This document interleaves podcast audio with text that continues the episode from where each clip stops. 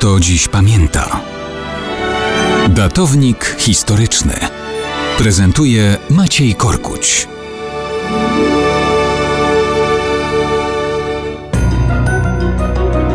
Cóż można w radio sprezentować na świętego Mikołaja?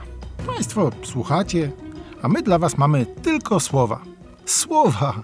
No właśnie, duże słowa możemy sprezentować. Niekoniecznie wielkie, ale za to najdłuższe na świecie. W Europie najdłuższym jednowyrazowym określeniem miejscowości jest walijska nazwa zapisywana aż 58 literami. W języku polskim dopuszczalne jest czytać oryginał tak, jak czytamy po naszemu. Byłoby tak. Lanfair pwl gwengel gogery chwyrndrop wlan tisilio gogogoch. To oznacza po prostu kościół świętej Marii nad stawem koło białych leszczyzn nieopodal wodnego wiru pod czerwoną pieczarą przy kościele świętego Tysilio. Sprawdziłem, jak to wymawiają Celtowie. Biorąc pod uwagę, że w walijskim podwójne L czyta się jak eś, F jak W, W jak ł, w oryginale otrzymujemy dość proste pojedyncze słowo. Sianwair puś gwynguś gogery chwyrn drop łusian tysilio gogogoch. Jednakowoż nie jest to najdłuższa nazwa geograficzna na świecie. Tutaj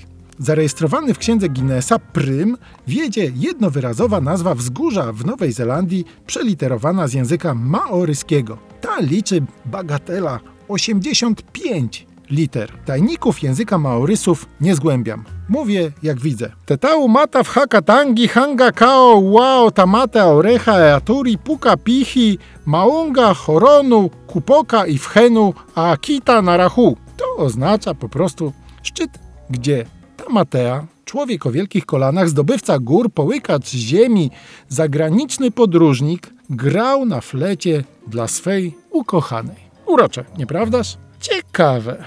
Czy może ktoś na świętego Mikołaja dostanie bilet na podróż z Sianwair puś Gwynguś Gogery Chwyrndrop Tłusian Tysilio Gogogoch do Tetau Mata w Hakatangi Hanga Koa Uao Tamate Aurecha Eaturi Puka Pichi Maunga Horonu Kupoka i Whenu Akita Narahu. I z powrotem, oczywiście.